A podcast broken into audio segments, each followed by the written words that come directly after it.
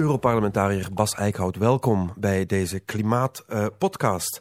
het begin van COP23 in de Duitse stad Bonn. Ja. Daar is het uh, VN-secretariaat uh, UNFCC ook gevestigd, hè, die, die eigenlijk al die klimaattoppen mee organiseren.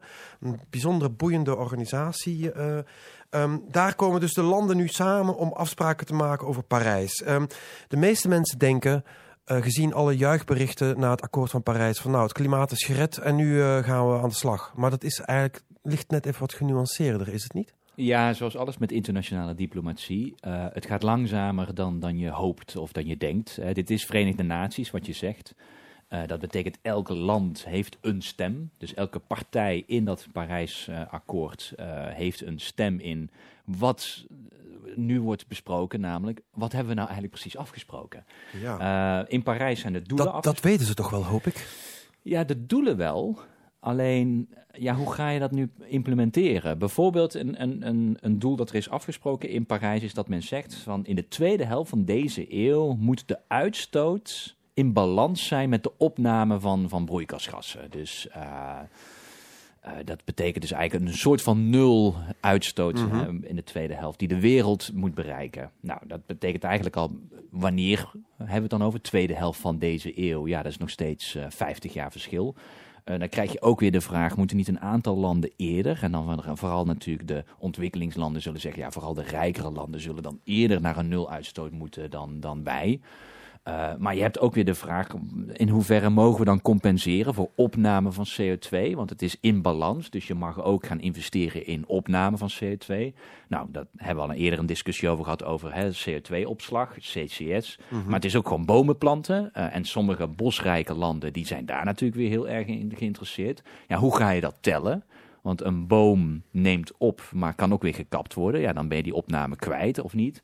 Nou, hoe ga je dat soort rekenregels tellen? Dat allemaal is niet afgesproken. En dat moet nu afgesproken worden van oké, okay, we hebben wel doelstellingen gezet en nu komen alle landen met hun nationale plannen. Maar die nationale plannen moeten wel een beetje ja, vergelijkbare eenheden hebben. Anders kan het ene land claimen dat ja. ze heel veel doen, maar je hebt geen idee wat het is. Voor je het weet zit je appels met peren te vergelijken. Juist, en maar, daar, maar, en daar maar, moet je dus nu afspraken over maken.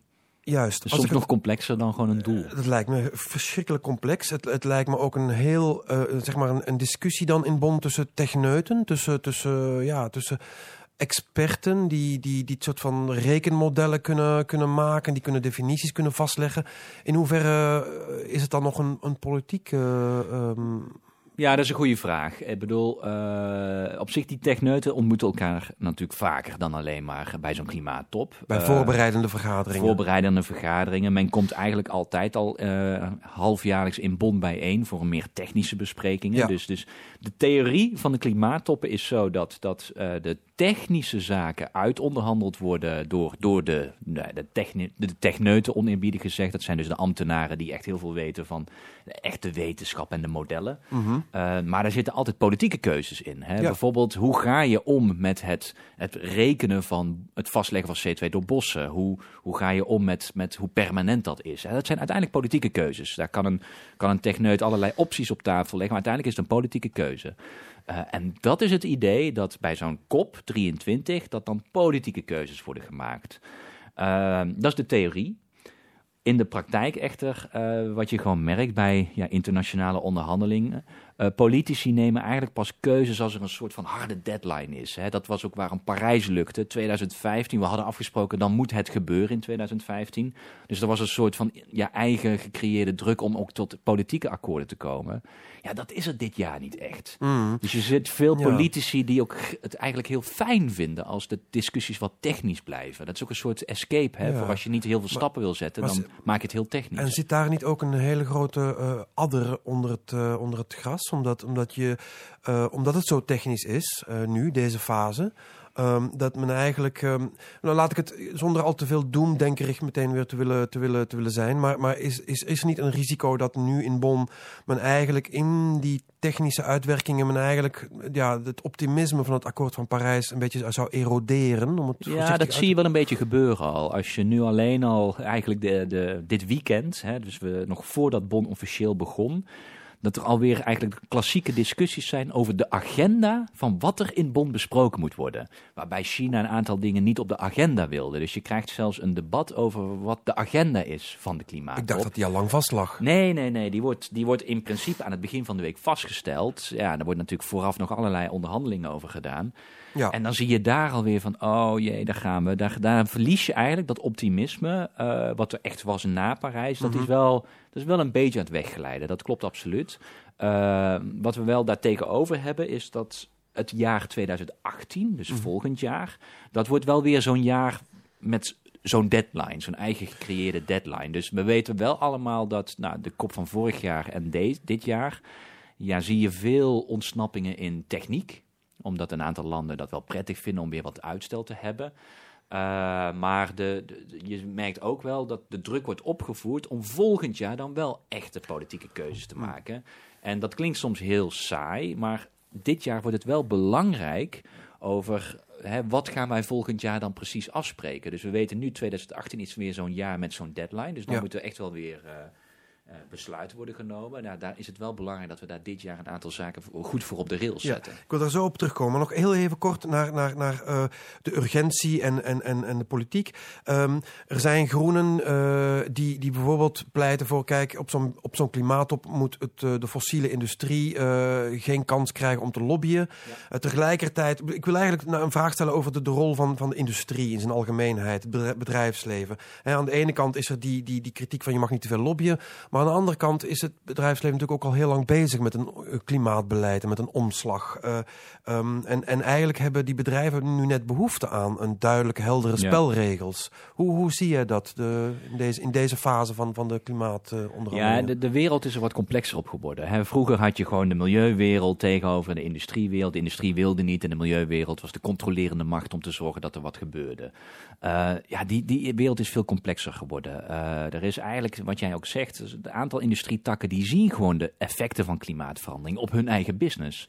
En die zien gewoon dat er iets moet gebeuren, om willen zij in de toekomst nog dezelfde grondstoffen kunnen gebruiken. ik denk aan een Unilever, die uh, kunnen we hele discussies over houden. Maar op klimaatgebied hebben zij natuurlijk, merken hmm. zij in hun producten gewoon de effecten direct. Um, dus die bedrijven die roepen om duidelijkheid van de politiek en die uh, lobbyen voor klimaatactie. Waar een beetje het moeilijker wordt, is dat, dat we ook steeds meer uh, bij klimaatverandering. Jij zit nog, ook wel nog steeds de fossiele industrietak aan tafel. En, en daar zie je wel steeds meer een discussie over van, is dat eigenlijk nog wel logisch? Want mhm. uiteindelijk hebben we het over uitfaseren van fossiel. Ja, een fossiel bedrijf zal daar per definitie tegen zijn. Per definitie is klimaatbeleid iets waar, waar de fossiele industrie niet vrolijk van wordt. Lijkt want me logisch. Het is het uitfaseren van waar zij geld aan verdienen. Ja. Uh, denk een Shell, die doet wel heel braaf door te zeggen... ja, we gaan van olie naar gas... Maar die, gas is ook fossiel. Ja, die CO2-neutrale wereld, het zal ook zonder gas zijn uiteindelijk. Dat duurt misschien iets meer tijd, hè, het duurt mhm. iets langer. Mhm. Maar over 30 jaar, 40 jaar, ja, dan is het ook afgelopen met gas. Ja, dat, daar is Shell nog niet aan toe. Dus waarom zou je Shell aan tafel willen hebben? Mm. Uh, nou ja, in die zin, we hebben natuurlijk in het verleden bij roken heeft op een gegeven moment dezelfde VN, maar dan de Wereldgezondheidsorganisatie, uh, WHO, heeft gezegd, ja, zodra het gaat over rookbeleid, mag eigenlijk de tabaksindustrie niet meer aan tafel zitten. Hè? Er is een soort akkoord over uh, afgesproken. Ja, nu is ook een beetje de vraag, zou je dat eigenlijk bij klimaatonderhandelingen ook niet met de fossiele industrie moeten afspreken? Dat ze gewoon geen plaats meer hebben aan tafel. En beantwoord de vraag zelf? Ik denk dat, uh, dat er geen plek is voor de fossiele industrie. Goed, wie, wie, wel aan tafel zitten zijn dus de, alle landen van de Verenigde Naties. Uh, dit, deze keer is het het, het, het, het gigantische eiland Fiji Ehm, Ja. ehm, ja, kun je iets, ik, heel kort iets uitleggen van hoe, hoe nou precies zo'n klimaatop werkt? Hè? Er, zijn, er zijn speeches, alle landen nemen een positie in. eh, eh, maar goed, eh, wat, wat is nou de rol van zo'n land, eiland Fiji? Wat- wat- Ja, dus er zit zo'n rolerend systeem bij de Verenigde Naties. Dus elke keer een regio in de wereld mag dan binnen die regio... moet een land opstaan die zegt, dan wil ik het wel doen. Eh, volgend jaar is het weer Oost-Europa. Dat is dan eh, nog de oude terminologie waar de VN van gebruik maakt. En dan is het weer Polen die heeft gezegd, dat willen wij wel. Nou, nu, eh, nu was het dus meer het, eh, de regio waar Fiji in zit. En die hebben gezegd, nou, wij willen het organiseren. Alleen inderdaad hebben zij totaal niet de, de, faciliteiten om, om zo'n top te organiseren. Dus heeft Bonn, waar het klimaatsecretariaat zit van de VN, heeft gezegd, nou, dan doen wij de locatie. Maar Fiji is de voorzitter en die bepaalt de agenda. Zoals het altijd is, de voorzitter doet voorstellen voor welke thema's besproken worden in die twee weken. Eh, daar moeten alle landen natuurlijk mee akkoord gaan. Maar zoals altijd, de voorzitter kan wel de agenda in grote mate bepalen. Eh, en daar zitten alle landen zitten daar. Hè, daar zitten allemaal hoofdonderhandelaars. Maar in al die achterkamertjes, achter die plenaire agenda, worden natuurlijk heel veel van die technische dossiers eh, besproken. En elk land is er met een delegatie. En ja, dat ligt aan de grootte van je land, hoeveel mensen je hebt. Uh, je kan je voorstellen dat de Duitsers met een grotere delegatie komen dan de Nederlanders. Uh, en die hebben dus daar gewoon ambtenaren die allemaal zich afsplitsen in die kleinere onderwerpen. En je hebt je specialisten op die specifieke thema's die allemaal besproken worden uh, in de kleinere zaaltjes. Dus die plenaire zaal is meer... Ja, daar Decorum. Ga je, ja, en vooral bij zo'n klimaattop waarin er niet een harde deadline is zoals in Parijs. Ja, dan ga je, dan ga je mooie speeches horen... Uh, meestal meer van de milieuministers, maar Merkel gaat waarschijnlijk een verhaal houden, hè, omdat zij dan toch zich voelt als, als host. Hè, dan niet, niet de voorzitter, maar wel uh, ja. in haar land. Nou, dus Merkel zal een verhaal houden. Kan niet heel veel zeggen, want zit midden in coalitieonderhandelingen ja. thuis. Dus, dus dat verhaal zal niet heel boeiend zijn. Maar goed, het Aan de andere kant, Duitsland heeft met die energiewende... heeft, ze wel, heeft Duitsland wel een, ja, een, een toon gezet. Uh, ja. ja, ze heeft wel recht van spreken. Dus dat doe je. Maar dat zijn allemaal mooi... Ja, dat zijn speeches waarin ja. je vooral eigenlijk de diplomatie ziet. Dat zie je dat Europa zal zich daar weer met China... een bepaald iets naar buiten communiceren. Dus je zult allemaal van dat soort communicaties krijgen... die veel aandacht is, krijgen. Is dat wat je verwacht? Dat Europa inderdaad uh, een beetje zich afwendt van de VS... Uh, nu na de aankondiging van Trump... dat ze dat ze proberen nieuwe allianties te creëren, ja, ja, heel bijvoorbeeld met China? Ja, ja heel duidelijk. Wat, wat vind je daarvan? Ja, dat, dat is heel goed. Dat moet ook. Dat, sterker nog, volgens mij heb ik dat al... ik begin nu zo iemand worden, dat zei ik jaren geleden al. Maar dat, dat op zich de, de nogal transatlantische obsessie van Europa, daar, daar, heb ik me al langer over verbaasd, omdat er echt wel veel meer interessante bewegingen zijn in het oosten zeg maar, dan het westen. Uh, en het is dus heel logisch dat je met China en India, dat zijn, ja, dat zijn de twee grootste landen ter wereld, uh, dat je daar veel meer mee samen gaat doen. Uh, en ja, kijk, onderhandelingen van de VN gaan op natieniveau. Mhm. Uh -huh. Ja, met Washington is op dit moment gewoon minder te onderhandelen. Dus ja, dan, dan ga je natuurlijk met andere partijen. En even heel kort, Europa spreekt daar als één blok eigenlijk in Bonn. Um, ja, op zo'n klimaattop. Ja, ja. Wat was, even heel kort, nogmaals, de, de, de, de, de positie van Europa momenteel. Hoe, hoe, hoe analyseer je die? Uh, die is... Die is redelijk oké okay in dat mondiale speelveld. Ja. Uh, maar uh, Europa zit nog steeds wel een beetje in dat mantra dat wat wij doen, hè, wat wij beloven voor 2030, dat dat voldoende is voor Parijs-implementatie. Dat is nog steeds een beetje de formele lijn van de EU. Nou, gelukkig zijn er nu steeds meer landen, waaronder dus Nederland, regeerakkoord, waar we het in de vorige podcast over hadden, Mhm. die zeggen nee. Dat doel is onvoldoende voor Parijs-implementatie. Nou, Frankrijk zegt dat ook, Zweden zegt dat ook. Dus er zijn steeds meer landen die dat zeggen. Nou, je hoopt dat zo'n politieke top wel weer het moment is dat er weer meer druk komt op Europa om formeel te erkennen dat Europa meer moet doen. Als dat gebeurt, krijg je ook volgend jaar de vraag: wat gaat Europa dan additioneel beloven? Als Ja. je erkent dat je te weinig doet, dan moet je misschien ook iets meer gaan beloven en gaan doen. Zijn er tekenen dat, dat Euro, eh, Eurocommissaris Cañete daar, daartoe bereid zou zijn? Om... Nou, ik denk dat op dit moment Europa nog te verdeeld is. Hè. Je hebt gelijk, Europa spreekt met één mond. Maar ja, de EU kan alleen maar iets formeels zeggen als die landen het eens worden. Want ja, uiteindelijk zijn al die landen ook nog partij van diezelfde klimaattop. Uh, en een land als Polen is daar nog totaal niet. Dus, dus de EU zul je niet formeel horen zeggen dat wij gaan meer doen. Uh, die zullen blijven zeggen min 40% in 2030. Dat is het Europese doel. Dat zijn we nu aan het implementeren en uh, dat is oké.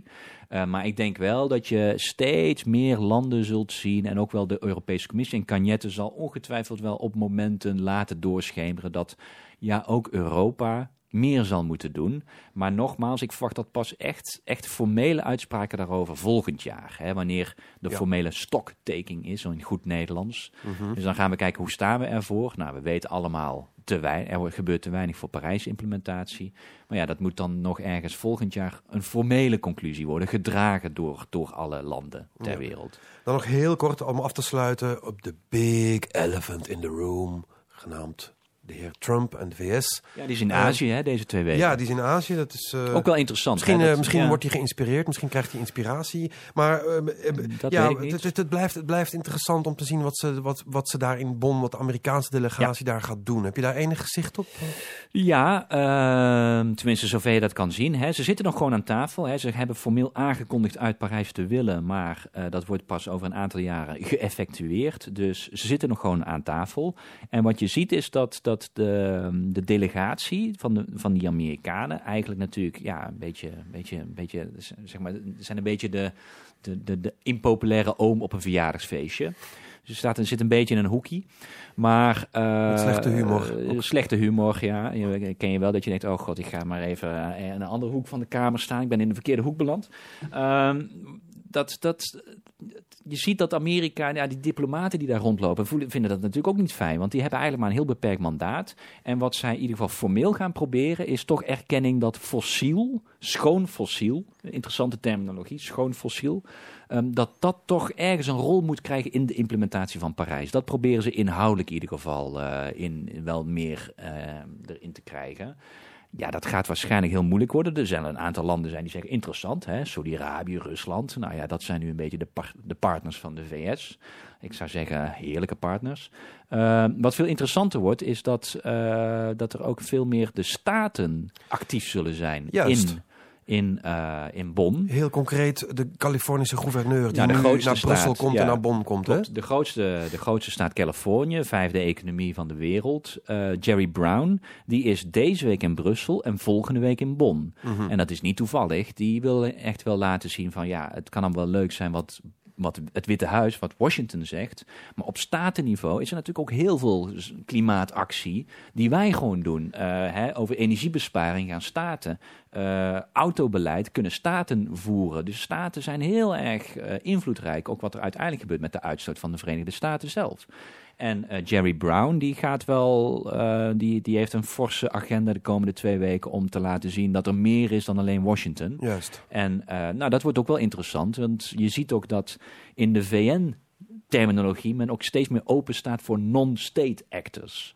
En non-state actors is zo'n terminologie, ja, wat ik zeg, de VN is gebaseerd op staten. Um, maar non-state actors is natuurlijk altijd al een partij. Dat was vroeger vooral bedrijfsleven, uh, NGO's. Maar nu als je teksten ziet verschijnen over de waarde van non-state actors, dan moet je daar vooral Californië en de Juist. Amerikaanse staten lezen, die gewoon meer willen dan Washington. Interessant. Je gaat zelf ook naar Bonn? Ja, klopt. Oké. Okay. Uh, um, ik was er dit weekend, hè, de eerste klimaatmars was er. Dat was Oh. meer door de Duitsers georganiseerd. Er is de internationale klimaatmars het komende weekend. Dit was de Duitse, dus de kolenausstieg was daar het thema. Ja. Uh, nou ja, dat, dat lijkt me een heel zinnige, zinnig thema. Dus daar was ik bij. Uh, ook een beetje even de sfeer te proeven nu in Bonn. Deze week weer meer in Brussel. En volgende week ben ik dan zelf in Bonn. Ja. Ik ben benieuwd, je, je, publiceerde ooit een boek, Klimaatmores, over klimaattoppen en hoe het daaraan toe gaat. Ik ben benieuwd of de klimaatmores uh, een beetje gaan veranderen in, uh, in Bonn. Ja, ik denk dat dit jaar uh, je veel mechanismen zult zien die ik al eerder heb beschreven. Ja. Helaas. Dankjewel, Bas Eickhout. Graag gedaan.